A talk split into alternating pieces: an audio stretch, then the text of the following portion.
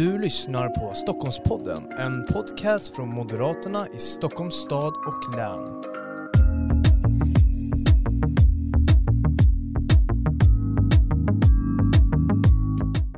Varmt välkomna till ännu ett avsnitt av Stockholmspodden. Idag ska vi sitta med Moderaterna i Stockholms nya gruppledare Kristoffer Fjellner.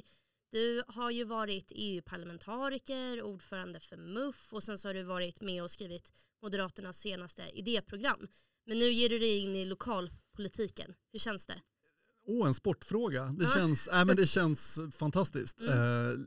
Eh, lätt omtumlande ska jag väl och säga också. Eh, det är mycket nytt att lära sig men jag är, vi vet ju alla att Stockholm är inte bara världens eh, vackraste stad och stockholmarna är världens trevligaste. Jag måste säga att människorna i stadshuset är förbaskat trevliga. Det mm. finns få jag har, jag har nog nästan alla jag stött på, framförallt många tjänstemän och så, som är, allas avslutar med att säga, hör av dig när som helst, jag ställer upp och hjälper dig med vad du än behöver. Och, och den, den känslan, den önskar man att alla stockholmare hade i sin kontakt med Stockholms stad.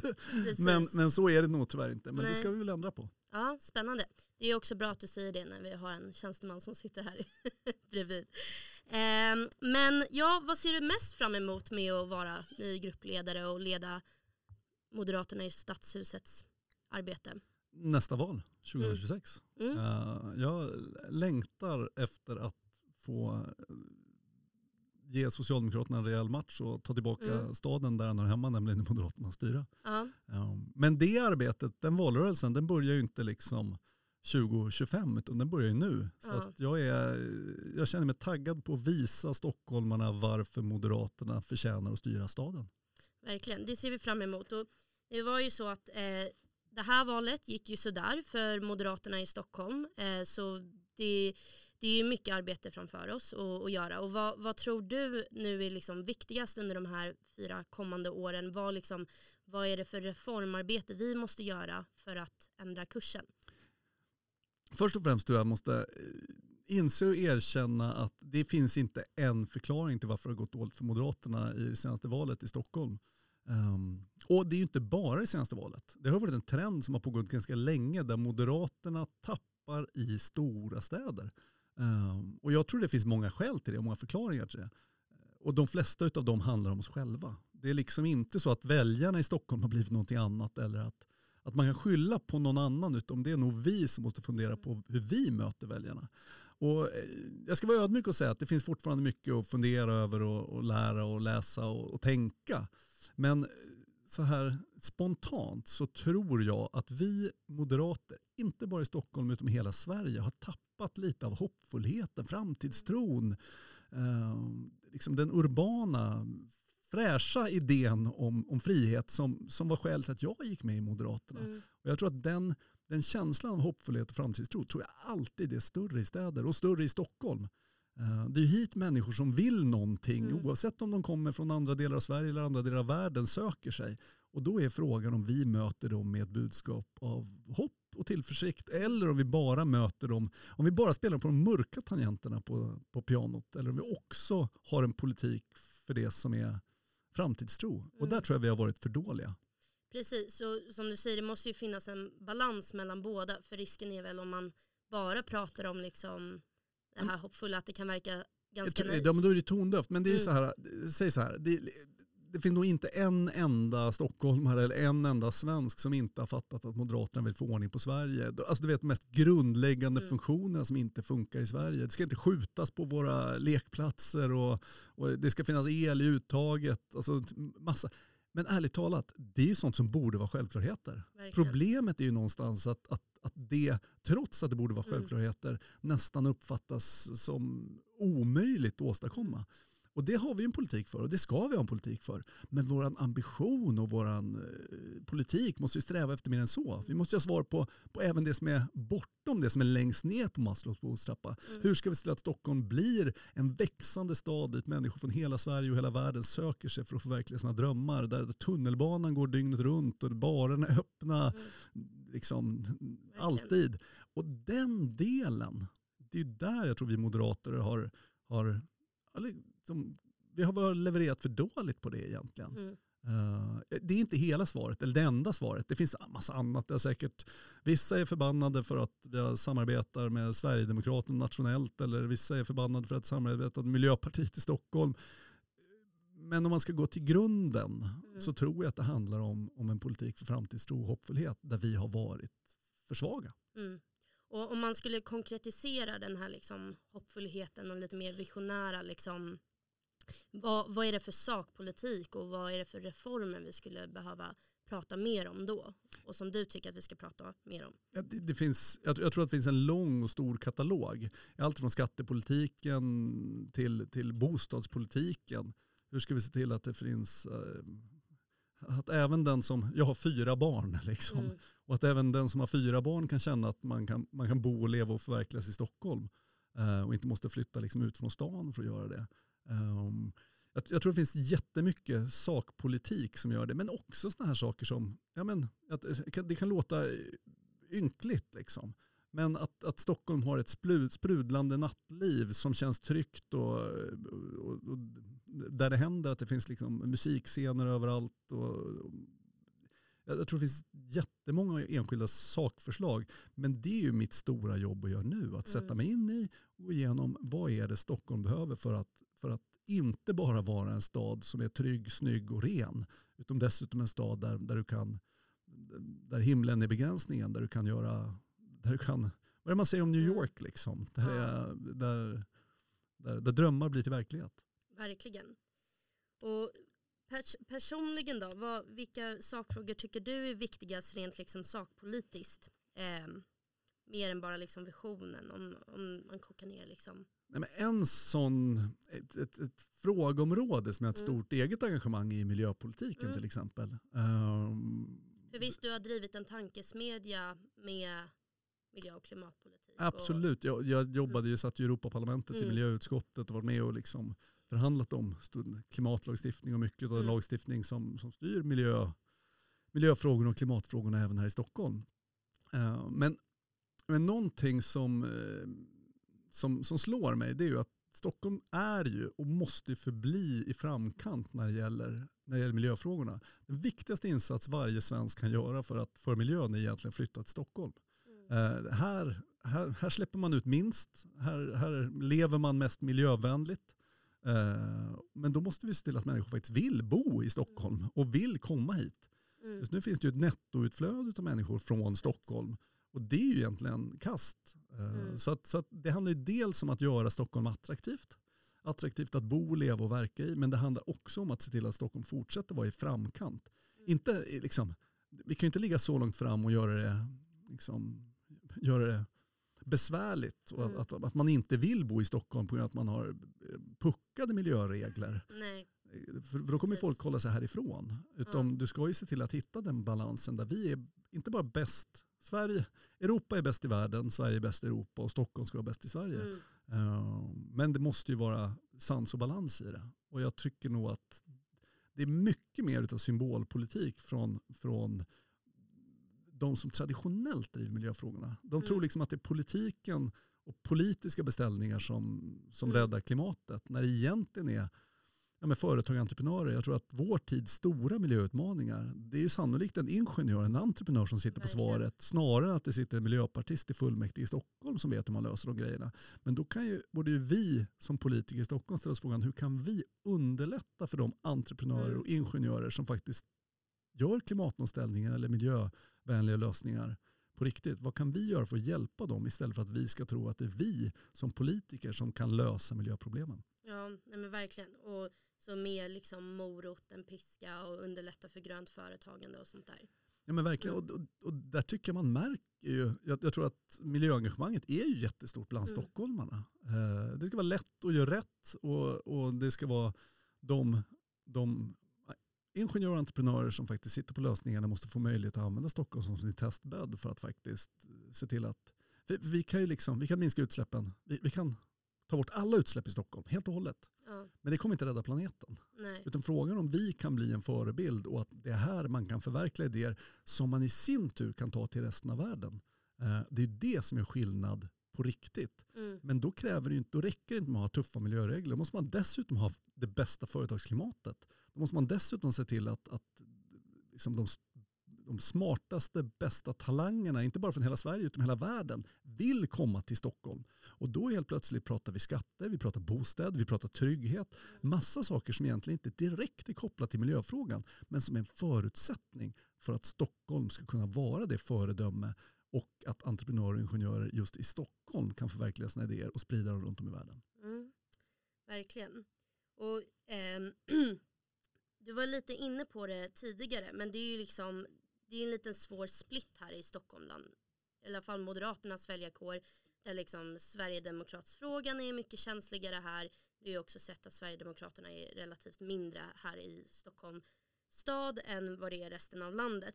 Hur tänker du att man ska balansera den här för att liksom se till att man inte, men progressiviteten som finns i Stockholm stöter bort vissa väljare men kanske den mer konservativa, liksom mörkblå eh, politiken som finns i andra delar av landet stöter bort folk här i Stockholm. Hur ska man balansera det?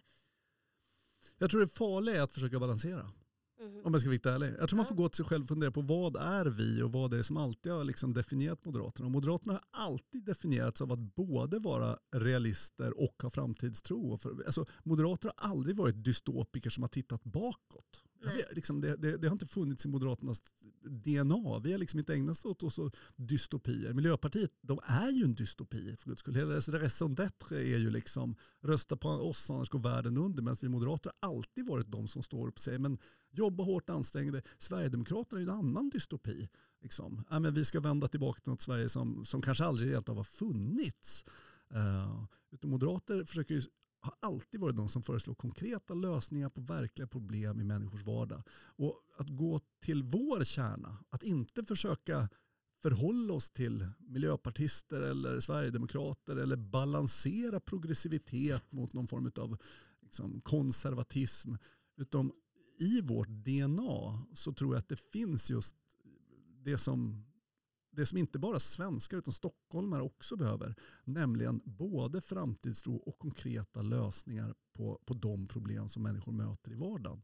Eh, jag tror att det, det, det där är liksom i, lite av en, en, en, risk som politiken ofta gör, nämligen att man försöker liksom stirra på på väljarna och se sådär, anpassa sig utifrån väljarna snarare än att gå till sina egna idéer och sin egen syn på på samhället och samhällsförändring och försöka förklara för väljarna varför den egna idén om samhällsförändring är den mm. långsiktigt riktiga och rätta.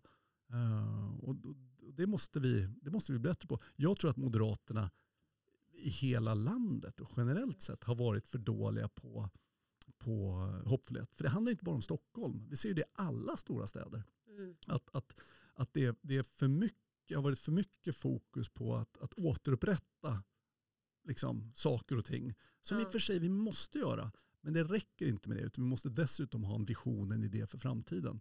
Människor vill inte bara att, att det mest grundläggande ska funderas. Man vill också drömma om en bättre framtid. Och den, det tror jag är allra viktigast bland unga människor i städer. Verkligen. Um, den eh, nya koalitionen i Stockholm har ju presenterat några av de förslag de kommer driva. Det är bygga fler hyresrätter, stoppa ombildningar av allmännyttan, införa miljöbilzon i eh, centrala Stockholm eh, redan från 2024. Vad, allt det här låter kanske inte fantastiskt men vad är du mest orolig för med den politiken som kommer föras i de här fyra åren? Eh, James Carville, Bill Clintons rådgivare sa ju “It's the economy stupid”. alltså om jag, ska vara, om jag ska vara riktigt ärlig så det är jag mest mm. orolig för. Jag, kan vara, jag är orolig för att man bygger hyresrätter som är så dyra så ingen flyttar in i det. Jag är orolig för att man eh, stänger av innerstan för, för människor som inte har råd att köpa mm. miljonbilar på ett halvår mm. eh, som går på el. Det finns massa att orolig för, men det jag är mest orolig för det är ju att man gör som sossar har gjort i alla tider i Stockholm man höjer skatten och höjer lånen. Mm. Att, att de här fyra åren kommer leda till att, vi, att, att det blir sten på bördan för alla eh, stockholmare som redan sliter liksom med eh, räntehöjningar och elpriser och allt vad det nu kan vara. Och inflation. Att de dessutom ska betala ännu mer i skatt. Men inte nog med det. Att det kommer inte räcka för att mätta liksom eh, vänsterpartisters evig aptit på skattemedel så att man kommer dessutom tror jag låna en massa pengar för att förverkliga dyra, dåliga vallöften. Så, så det är min största oro. Men sen som sagt var, jag är genuint orolig för att man, att man bygger, jättebra om man bygger hyresrätter. Liksom, förra mandatperioden byggde vi en massa hyresrätter.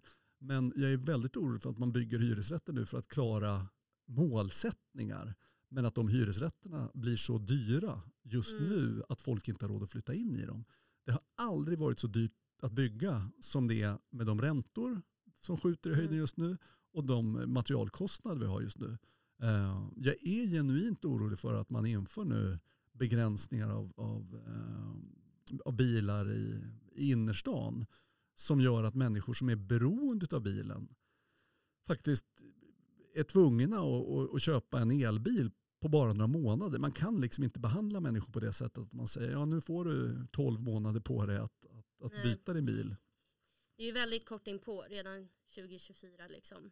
Ja det är ju ja, det är väl drygt 12 månader. Jag vet Mm. själv, liksom, jag, jag är hyggligt bilberoende Mm. och har en bil som är på väg att ge upp ska jag säga. Eh, är. Eh, Och har ju tittat på, på och inser att jag kommer att nästa, så jag tror väldigt många känner precis som jag nästa bil måste bli en elbil. Jag tror Mm. väldigt många känner så. Problemet som jag möter, och nu kanske jag har möjlighet att klara det eftersom att jag är, liksom, jag är privilegierad på många sätt. Men problemet jag möter är att då ska jag ha en elbil där jag kan få plats med fyra ungar. Jag kan säga utbudet av elbilar som har plats med fyra ungar som kostar under en miljon. Det är, det är begränsat. Ja. Liksom.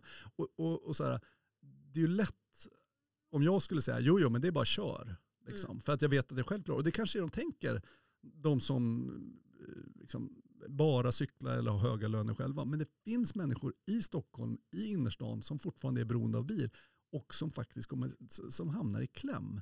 Och den första frågan jag skulle vilja ställa till, till, till den här majoriteten är, vet de ens hur många de är? Nej. Vet de ens hur många människor som bor i innerstan idag kör bilar som, som de är på väg att förbjuda? Mm. Jag är ganska säker på att de inte har en aning. Nej. Och att i det läget föreslå att man ska ge dem mindre, ja, ett år på sig Mm. till att, till, till att liksom, eh, i dessa ekonomiska tider byta bil, det tycker jag är ganska respektlöst. Verkligen. För att inte tala om att liksom, kranskommunerna som också är beroende av liksom, att köra igenom Stockholm och sånt där. Ja, och förhoppning, förhoppningen är ju att man inte ska behöva köra igenom innerstan för att ta sig. Men det är ju någonting annat vi gärna Ja. driver. Att se till att det blir möjligt att köra runt Stockholm. Och att du inte behöver köra inom stan. Men då kan man inte både säga vi vill inte ha en östlig förbindelse. Vi vill inte se till att någon kan ta sig, Nej. och ta sig igenom stan. Alltså, det är ju att bara sabba för människor. Verkligen, men också jag tänker eh, liksom företag som ska åka igenom, alltså så här, apropå företagsamhet, att liksom eh, till att ehm, det ska vara lätt att driva företag här i Stockholm så kan man ju inte heller. Nej, och, och, så här, jag säger show me the numbers. Ja, Alltså först må man visa då, det här innebär det här förslaget, men det här är någon som har dragit ur hatten för att man vill ha en schysst rubrik i någon tidning eller en presskonferens där man vill komma med någonting, något häftigt, sexigt som får den egna, de egna väljarna i Miljöpartiet och, och tycker att livet är på topp. Men det, det räcker ju inte. Politik måste behandlas seriösare än så. Man måste veta vad man beslutar om. Och jag är ganska säker på att man inte har en aning om vad konsekvenserna av ett sånt här beslut egentligen är. nej, verkligen.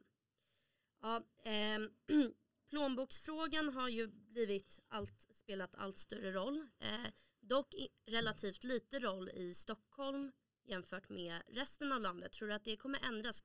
Kommer liksom plånboksfrågan bli viktigare här i Stockholms stad också apropå att man kanske höjer skatten både i regionen och staden kanske och sådär. Vad tror du? Jo men jag tror att eh, det är lätt att föreställa sig att, att okay, Stockholm må vara kanske den rikaste regionen i, i Sverige men det betyder inte att alla stockholmare är rika. Nej. Eh, det finns många som sliter med att betala sina utgifter och få, få lönen att räcka till. Och, och då är, vet vi ju det att nu sticker räntorna, inflationen sticker, elpriserna sticker. Och i det läget så, så är det många som får det tufft. Mm. Dock är ju varken elen, inflationen eh, eller räntorna är den största utgiften Stockholm har. Den största utgiften Stockholm har är skatten. Och att i det läget höja skatterna, det vore det mest ansvarslösa man kan göra. Ehm, Och, och, och sätter många, tror jag framförallt barnfamiljer på pottkanten. Mm. Um, så att, så att det är ju, tror jag, det viktigaste uppdraget vi moderater kan göra just nu. I den här, vi, vi har begränsad möjlighet att påverka ränteläger från Stockholms stadshus, Ja. begränsad möjlighet att hålla ner inflationen, begränsad möjlighet att styra elpriset. Det har vi. Men det vi kan styra, det är ju den största utgiften alla har. Det är att se till att inte driva upp skatten. Eh, och att, att vi moderater, som vi har varit i hundra år, är den tydligaste garanten för att politiken inte tar mer pengar än den behöver av medborgarna. Att, att vi håller kvar låga skatter, det tror jag är kanske det viktigaste uppdraget vi har just här och nu. Verkligen. Och det är ju som du säger, det är ju långt ifrån alla stockholmare som är rika utan tvärtom många, det är ju väldigt segregerat i Stockholm. Ehm, vad tänker du att man ska göra kring segregationen i Stockholm? För att det liksom blir ju mycket problem med det. Det är ju kriminalitet, utanförskap, bidragsberoende och sånt där. Eh, finns det, vad kan man göra på kommunal nivå för att liksom mildra Nej, men, detta är något vi har slitit med under lång tid och det kommer ta lång tid att göra någonting åt. Jag tror att det viktigaste som man har, kan göra som stockholmare och som också många stockholmare har gjort för att bekämpa segregationen, det är att byta regering. Att faktiskt se till att vi får en regering som Inte prioriterar byta den här regeringen. Nej, inte byta den här regeringen, men det är vad många stockholmare har gjort. Man har Ja. bidragit till att vi har bytt regering för att få en regering som faktiskt tar först och främst tryggheten Mm. på allvar, se till att mota bort kriminaliteten eh, i Stockholm. Det är kanske den viktigaste segregationsåtgärden. Det kan inte vara så att det finns områden i denna stad där inte vi upprätthåller lag och ordning. Eh, det, är, det är Mm. ett. Två är ju frågan om, om arbete. Det ska inte finnas en enda stockholmare som kan arbeta som istället lever på bidrag. Eh, utan det måste vara så att alla som kan arbeta också arbetar i det här landet. Om vi lyckas med tryggheten och se till att människor får ett arbete, då ska jag säga då har vi kommit väldigt långt till att bekämpa Mm. segregationen. Sen tror jag en, en tredje grej vi måste göra och där jag hoppas på mer av den här regeringen än vad jag har sett hittills i de avtalen, och det är bostadspolitiken. Mm. Att se till att du får rejäla flyttkedjor, att, att människor har råd och, fly, och möjlighet att flytta inom staden. Ehm, jag, har, jag, jag, men, jag träffade själv häromdagen en tjej som bor i, flyttat från Väsby till Kista och som säger att det, hon, hon jobbar hur mycket som helst just nu bara för att hon har bara ett enda mål, det är att flytta någon annanstans än till Kista. Och att hon ska ha en möjlighet, att det, ska, att det inte bara ska vara en dröm utan att det är någonting som man faktiskt kan förverkliga genom eget hårt arbete och egna ansträngningar. Men det kräver ju dels att vi klarar vårt uppdrag vad gäller att, att se till att det finns bostäder, men också att det finns nationell bostadspolitik Mm. som, eh, som faktiskt möjliggör flyttkedjor och att människor inte blir inlåsta i sina bostäder. Skulle du säga att ombildningar är en viktig del av det? Då, eller? Ja, om, det har ju varit en viktig del och det är väl Mm. troligtvis så att jag, jag tycker ju här, jag har inte någon en bra stad har både hyresrätter och bostadsrätter. Jag har ju bott i Bryssel väldigt länge och Mm. det hade, som har en fantastiskt välfungerande hyresmarknad. Och där finns det mycket vi kan inspireras av för att se till att människor faktiskt rör på sig och kan röra på sig i, stad, i, i en stad. Um, men även bostadsrätter och ägarlägenheter är ju, är ju centralt. Jag, för mig är det, sagt, var, det, det är liksom inte huvudsakligen en ideologisk fråga huruvida det ska vara bostadsrätt eller hyresrätt. Det viktiga för mig är att den som vill äga sin bostad ska kunna äga sin Ja. bostad. Och då kan man ju inte ha en politik som den här majoriteten säger som aktivt vill motverka ombildningar. Nej. Om människor som bor i hyreslägenheter faktiskt i den fastigheten vill ombilda den, då, då ska ju politiken hjälpa människor att göra det istället för att försöka förhindra och begränsa det. Mm, verkligen. Apropå att du har bott i Bryssel, du var ju EU-parlamentariker. Saknar du det? Att vara EU-parlamentariker? Nej, Nej. Nej men jag gjorde 15 år alltså. Så här, jag, jag tror att en bra princip i livet, man ska nog byta jobb Mm. höll jag på att säga. Det var ett, byta uppdrag eller jobba 15 år minst. Ja, Ehm, sen var ju, jag var inte på något sätt färdig, det blir Nej. man väl aldrig. Och det finns ju jättemycket grejer som är viktigt och jag sitter ofta när man sitter och lyssnar på, inte de moderata Europaparlamentarikerna, men alla andra så, så blir man ju så Mm. förbannad och tycker, vad fan, gör sådär. Eller det, det är ofta jag tittar på tv och blir arg Ja. på de som, som nu sköter EU och tycker att man, jag hade gjort annorlunda. Men, men med det sagt så är det ju, inte minst också med tanke på att jag har, jag har en stor familj, yngsta junior är liksom 11 månader och det är en avtagande marginalnytta med att veckopendla utomlands. Liksom. mm, Så att jag är väldigt nöjd och glad att få somna hemma i min egen säng eh, och natta mina barn ja, varje kväll. det Och det gör att, att då, då, EU må vara viktigt men eh, is first. Ja, verkligen. Eh, men vad skulle du säga att du tar med dig eh, som EU-parlamentariker in i den här rollen som du har nu? Som gruppledare och första namn. Oh, knepig fråga, det är säkert fler olika saker. Men en sån sak som jag tyckte var viktigt i Europaparlamentet och jag hoppas finns, det är lite för tidigt att säga men även är i stadshuset, det är ju att dels, vi är opposition, men att man alltid är en konstruktiv opposition. I, i Europaparlamentet så var man ju aldrig, det var aldrig så att eh,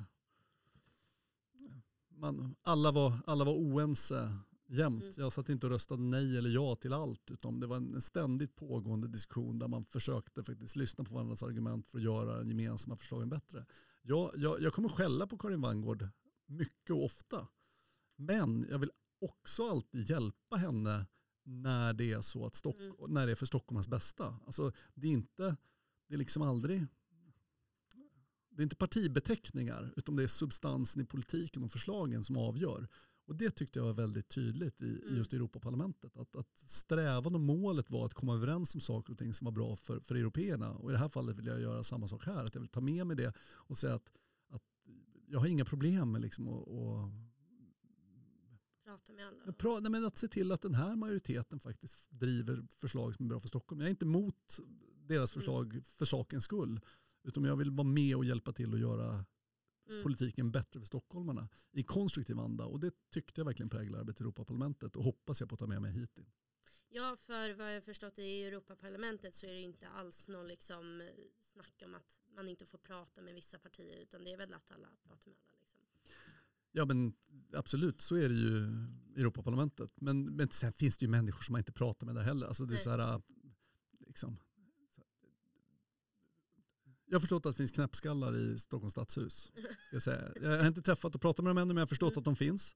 Men jag kan lova dig att de knäppskallarna är nog bara hälften så knäppa som de knäppas i Europaparlamentet. Alltså där har vi ju, alltså där pratar vi, där pratar vi inte, vi är inte så Lars Ohly-kommunister, jag kanske är kommunist eller inte kommunist, utan mm. det är ju människor som har hammaren och skäran som mm. partisymbol. Och där pratar vi inte om sådana här, jag har ett fascistiskt eller nazistiskt arv, utan människor som har liksom omgjord svastika som partisymbol, som Attaka i Bulgarien. Alltså, så här, det finns ju riktiga lunatics där. Mm. Så. Men, men med det sagt så är det fortsatt så att i Europaparlamentet, och som jag hoppas så, mm. så är det ju då är det de politiska förslagens substans som styr. Mm. Uh, och jag kommer döma mina politiska motståndare och kollegor utifrån den politik de bedriver, inte vilken partisymbol de har. Och det hoppas jag att alla andra också gör. Mm. Kommer det också prägla liksom oppositionsarbetet, oppositionspartierna emellan? Eller hur liksom väl sammansvetsade kommer ni vara i oppositionen? Liksom? Nu har det ju varit den grönblå majoriteten som har styrt innan alliansen och sånt där. Hur, hur kommer det funka tänker du dig? Ja, nu ska man vara ärlig och säga, ödmjuk och säga att det är inte bara jag som bestämmer det. Vi må Nej. vara största parti i oppositionen och jag må vara oppositionsledare i kraft av det. Men, men det är liksom, it takes two to tango. Uh, och här är det inte bara två, utan vi är ju liksom ett antal partier som faktiskt måste trivas. Men jag vill, ta, jag vill ju egentligen ta fasta på det som jag tror har varit ett framgångsrecept för, för Moderaterna och borgerligheten. Och det är ju att, att, att vinna tillsammans i alliansen och, och, faktiskt nu då förlora tillsammans i alliansen och driva opposition tillsammans i alliansen. Det är liksom en, den bästa basen för vi har en värdegemenskap inom alliansen som, som jag sätter ett stort värde vid och jag tror att jag, jag tror många stockholmare saknar alliansen eh, och alliansstyret. Och det vill jag ta fasta på här. Sen betyder ju inte det att, att, att jag inte vill liksom, jag, det finns många idéer säkert som miljöpartister har som är bra och som man kan samarbeta med och diskutera. Det finns eh, säkert idéer eller förslag från Sverigedemokrater. Jag vill åtminstone inte att Sverigedemokraterna gör att de gör vårt oppositionsarbete svårare. Utan mm. jag vill i sådana fall att de fokuserar på att göra Karin Vangårds styre och, och, och Vänsterpartiets arbete svårare. Så, så att, så att men, jag ser fram emot att prata med dem också. Eh, till och med Karin Bandgård, som jag sa, är det så att eh, Socialdemokraterna kan tänka sig ompröva saker och ting så vill jag hjälpa dem och vägleda dem rätt. Vänsterpartiet, pretty unlikely ska jag säga. men, men, men ändå, jag ska väl inte vara den att om de kommer till en moment of clarity och inser att vi behöver låga skatter, hög tillväxt, så entreprenörer och att vi har, vi har för få, inte för många miljonärer i Stockholm, mm. då, då kommer jag nog kunna göra gemensam sak även med dem i ett och annat. Men, mm. men det känns som det är långt, en lång väg kvar att vandra för Vänsterpartiet Mm. tills den dagen inträffar. Vi, vi pratar ju lite om vad du tar med dig från EU som arbete som EU-parlamentariker eh, i din roll nu. Eh, och att du nu, du har ju en, förutom en väldigt stor kunskap inom miljö och klimatfrågan så har du ju också drivit den här tankesmedjan EFI. Eh, vad, eh, vad tar du med dig från att vara på EFI eh, i den här Ja, men, ja, rollen? Nu, jag har ju avvecklat mitt engagemang där. Mm. Och så, vilket är, jag ska väl säga, det, det är en viss separationsångest. Det fanns Mm. många viktiga, spännande projekt och idéer. Men idéerna, de har ju kvar med mig Mm. liksom, i, i synen på Ja, men till exempel som vi pratade om tidigare, nämligen att, att det är ingenjörer och entreprenörer snarare än politiker som, som kommer till att lösa de stora miljö och hälsoproblem som, som vi står inför eh, i Sverige, i världen och i Stockholm. Eh, så det är ju någonting jag tar med mig. Men sen är det ju ett fantastiskt kontaktnät också. Eh, I Europa, Mm. eh, men också i Stockholm, som jag har fått i kraft av den här tankesmedjan om ett arbete i Europaparlamentet. Och det hoppas jag på att fortsätta Mm. och vårda och inspireras utav. För, att, för jag tror att det finns allt för många politiker som sätter sig på sin kammare och tror att de själva ska komma på lösningar som ska revolutionera världen. Majoriteten av alla svar, politiker kan ju nästan egentligen ingenting. Eh, Men den bra politikern vet om att man har två öron och en mun och fokuserar på att lyssna på de som faktiskt kan. Och eh, många av dem har jag träffat i mitt arbete med den här tankesmedjan och det tänker jag fortsätta Mm. lyssna på många av dem. Kan du inte berätta lite om tankesmedjan? För det var du som startade upp Jo, den. jag startade den tillsammans med en eh, kompis som heter Jonas Grafström som Mm. är vice vd på, på en annan tankesmedja som heter Ratio. En gammal ja, kompis från Moderaterna, även han, Eh, som är eh, doktor i nationalekonomi och pysslar med miljöfrågor. Och sen en kille som heter Jonas Sigedal som jobbade med mig eh, i Europaparlamentet. Så det var Jonas, Jonas och jag som startade den. Och sen sög vi in Marie Söderqvist, en, en god vän till mig som är gammal vd på Livsmedelsföretagen. Eh, och, ja, och några andra personer. Ett, en liten organisation men med ett stort nätverk. Eh, och vi grundade den tankesmedjan för vi har egentligen tyckt att, att miljö och hälsofrågorna präglades just av för mycket dystopi och bakåtskådande. Att man trodde att, att man skulle hindra mänsklig utveckling för att rädda planeten eller vår hälsa. Medan vi tvärtom är nog övertygade om att, att det inte ekonomisk tillväxt, fri företagsamhet, fria val, ny teknik, inte hot mot vår miljö och hälsa, utan tvärtom den enda chans vi har att lösa många av de verkliga och allvarliga problem vi står inför. Eh, det, det är ju, tycker jag, jag tar på miljöområdet, det är en diametralt motsatt tes jämfört med mycket av det som präglar miljöpolitiken idag, där man säger att man ska begränsa mänsklig verksamhet och, och där man tror att, ja, men, att tillväxt och, och företag är, är, är bovarna i dramat, när de snarare är de som faktiskt sitter på lösningar och löser många av problemen. Så, att, så att just det perspektivet som vi odlade där, nämligen hur, att, att försöka hitta politiska förslag, utvärdera politiken utifrån hur politiken kan underlätta för de entreprenörer och ingenjörer som löser problem istället för att begränsa och försvåra för dem. Det är nog det jag tar med mig i perspektiv åtminstone in i det här uppdraget. Mm. Och det är sant på miljöområdet, men inte bara på miljöområdet. Det gäller ju många områden. Som sagt var, politiken löser nästan inga problem alls, men politiken kan hjälpa dem och underlätta för dem som löser problem. Oavsett om det är att lära barn att läsa eller om det är att skapa trygghet eh, eller allvarliga miljöproblem. Roligt. Det ska bli väldigt spännande att se vad du och det moderata teamet eh, och alla i alliansen och allting hittar på nu de här kommande fyra åren. Tänkte, har du något sista medskick till Moderaternas medlemmar och väljare som lyssnar på det här? Ja, det viktigaste är ju egentligen att, att eh, politik är alltså ett lagarbete. Det är så att jag kommer inte vinna ett enda val eller en enda väljare, ja, kanske någon väljare till Moderaterna. Men jag kommer inte att vara den som ser till att Moderaterna i Stockholm vänder trenden och att, att, vi, blir, att, att vi blir ledstjärnan som visar en modern, urban, liksom, höger med tillförsikt ser ut 2022. Utom att, att, att både formulera vad det är för någonting och, och, och hur en sån hur, hur en modern, fräsch, urban höger ser ut och att möta väljarna och övertyga väljarna om detta är någonting som vi bara kan göra tillsammans. Vi vinner tillsammans och vi, liksom, vi, vi förlorar tillsammans. Och jag har ingen annan ambition än att, att vinna detta tillsammans med alla moderata väljare, alla moderata medlemmar. Och valrörelsen den börjar inte om, om tre år, den börjar idag. Det låter lovande. Stort tack. Tack.